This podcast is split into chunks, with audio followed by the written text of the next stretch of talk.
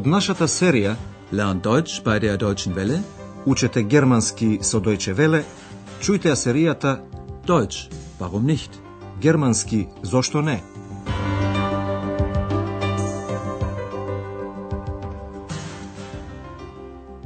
Liebe Hörerinnen und Hörer. Драги слушателки и слушатели, во денешната десета емисија од четвртата серија ќе слушнете репортажа за Мекленбург предна Померанија, Мекленбург Форпоман, сојузна покрајина која од 1990 година и припаѓа на Сојузна република Германија.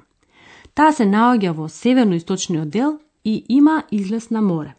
На тоа упатува и насловот на денешната лекција Мекленбург Форпоман, вода и бродоградилишта. Мекленбург-Vorpommern Wasser und Werften.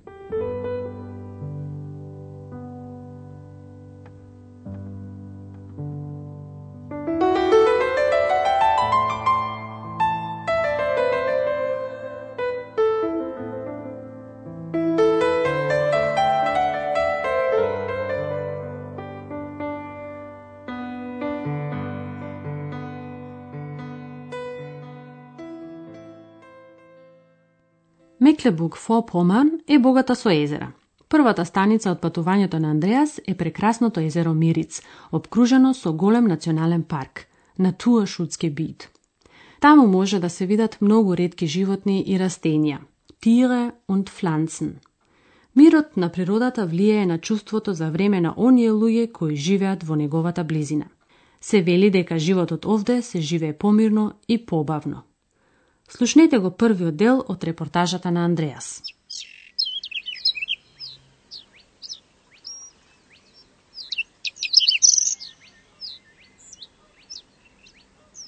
Haben Sie es gehört?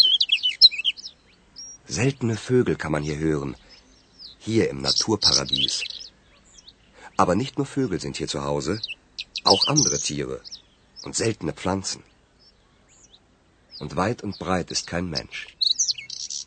Es ist ganz still. Wir sind im Süden von Mecklenburg-Vorpommern, am Müritzsee. Das ist ein See in einem großen Naturschutzgebiet. Hier kann man wirklich glauben, dass in Mecklenburg die Uhren anders gehen. Besonders langsam. Андреас најнапред ја опишува атмосферата покрај езерото Мириц како природен рај. Овде во природниот рај може да се слушнат ретки птици. Seltene Vögel kann man hier hören. Hier im Naturparadies. Но таму нема само птици, туку и други видови животни, тире и растенија, Pflanzen. Aber nicht nur Vögel sind hier zu Hause, auch andere Tiere und seltene Pflanzen. Таму е многу тивко и осамено. Надалеку не може да се види никој. Многу е тивко. Und weit und breit ist kein Mensch. Es ist ganz still. Андреа се наоѓа во покрината на езерото Мириц, многу големо езеро на чиј источен брег се наоѓа најголемиот национален парк во Германија. Wir sind im Süden von Mecklenburg-Vorpommern, am Müritzsee. Das ist ein See in einem großen Naturschutzgebiet. Национален парк значи дека растенијата и животните се заштитени, дека не смеат да се градат куки. На ова мирно место Андреас може да го разбере она што се вели за Мекленбург, дека овде часовниците поинаку работат. Тоа значи дека се се одвива побавно. Hier kann man wirklich glauben, dass in Mecklenburg die Uhren anders gehen. Besonders langsam. Мекленбург Форпоман е најненаселената од сите покрајни во Германија.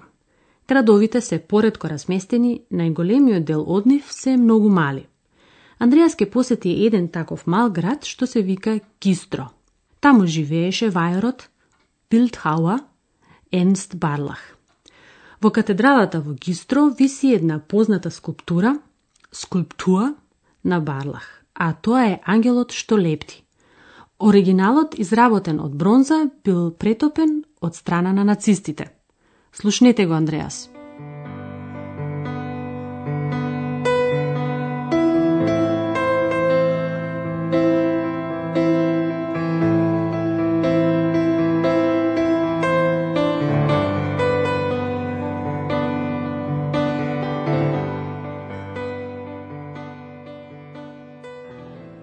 Sind weitergereist. Von der Natur zur Kultur. Nach Güstrow. Das ist eine der vielen kleinen Städte in Mecklenburg-Vorpommern. Güstrow wurde berühmt durch den Bildhauer Ernst Barlach. Im Dom von Güstrow hängt eine Skulptur. Ein Engel schwebt dort. Ein Friedensengel. Die Skulptur wurde von den Nazis eingeschmolzen.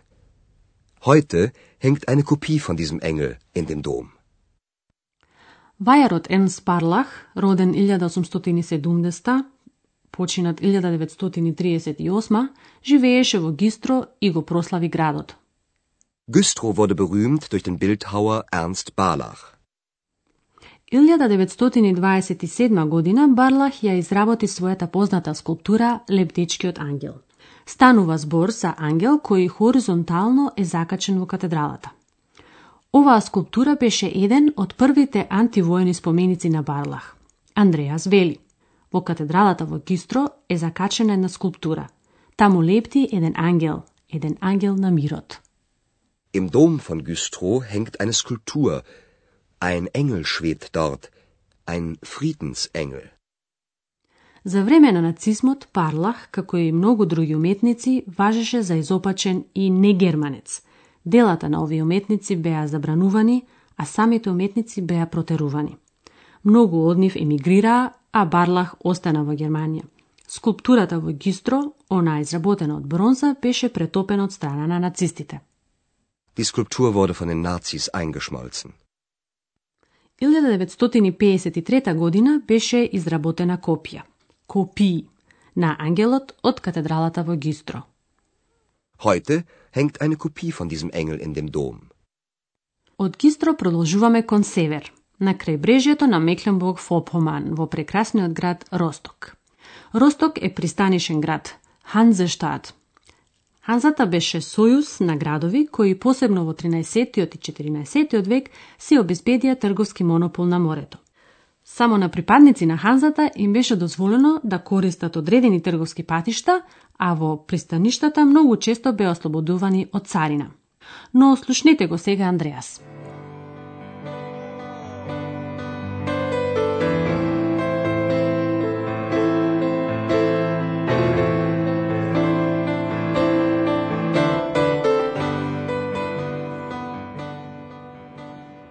Wir sind in Rostock, einer Hafenstadt im Norden.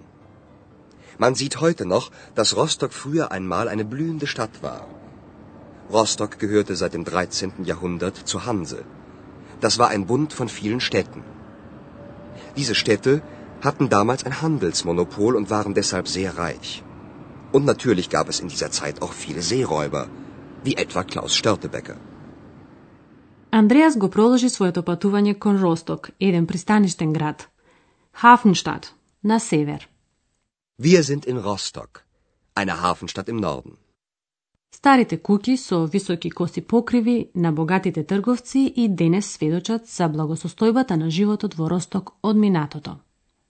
Man sieht heute noch, dass Rostock früher einmal eine blühende Stadt war. Од 13. век Росток и припаѓаше на Ханзата. Ханзе. Rostock gehörte seit dem 13. Jahrhundert zur Hanse. Ханзата, како што веќе споменавме, беше сојуз на градови кои се соединиле за да ги штитат своите интереси во и надвор од земјата. Das war ein Bund von vielen Städten. Овие градови тогаш држеа трговски монопол, Handelsmonopol, и затоа беа многу богати. Diese Städte hatten damals ein Handelsmonopol und waren deshalb sehr reich. Тогаш се разбира постоја и многу пирати кои ги грабнуваа бродовите што пловеа по морињата. Во Северна Германија денес се уште е позната приказната за познатиот пират Клаус Штертербекер. Und natürlich gab es in dieser Zeit auch viele Seeräuber, wie etwa Klaus Störtebecker. Да се вратиме во сегашноста. До обединувањето, Росток беше центар на источно-германската бродоградбена индустрија, Werft индустрија. Денес незината екзистенција е во опасност, gefährdet, бидејќи други земји многу поевтино ги градат бродовите. Слушнете го Андреас. Bis zur Wende war Rostock für die DDR das Tor zur Welt, besonders zum Norden und Osten. 55.000 Menschen arbeiteten auf den Werften.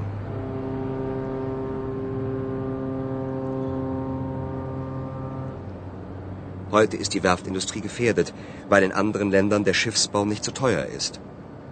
Aber man hofft, dass Rostock das Tor zum Süden werden wird. Und man hofft auf den Tourismus. До обединувањето, значи до 1990 година, Росток за Источна Германија беше портата кон светот, важно пристаниште за трговијата со земите на северот и на оние на источниот блок. Bis zur Wende war Rostock für die DDR das Tor zur Welt, besonders zum Norden und Osten. На бродоградилиштата работеа многу луѓе. 55.000 Menschen arbeiteten auf den Werften. Во Мекленбург-Фопоман индустријата не е многу застапена. Секој четврти кој работеше во индустријата, работеше во бродоградбата, Werft индустрии, која сега се наоѓа во голема опасност. Бродоградбата, Schiffsbau, во другите земји е поевтина. Heute ist die Werftindustrie gefährdet, weil in anderen Ländern der Schiffsbau nicht so teuer ist. Сепак постои надеж дека трговијата на скандинавските земји со јужните земји, например Италија, ќе се одвива преку Росток. Aber man hofft, dass Rostock das Tor zum Süden werden wird. Постои надеж и за туризмот. Во други делови на Мекленбург-Фопоман веќе го има, посебно на островот Риген, Рюген, последната станица од патувањето на Андреас.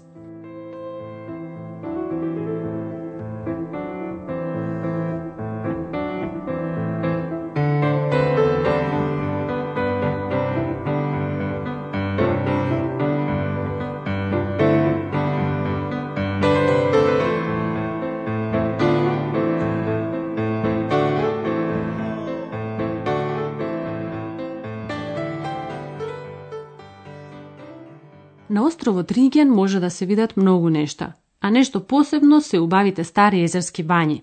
Најпознати се сепак карпите од креда, крајдефелзен, кои се издигнуваат високо над морето. Многу туристи сакаат да ги посетат. Слушнете го Андреас. Rügen ist wunderschön.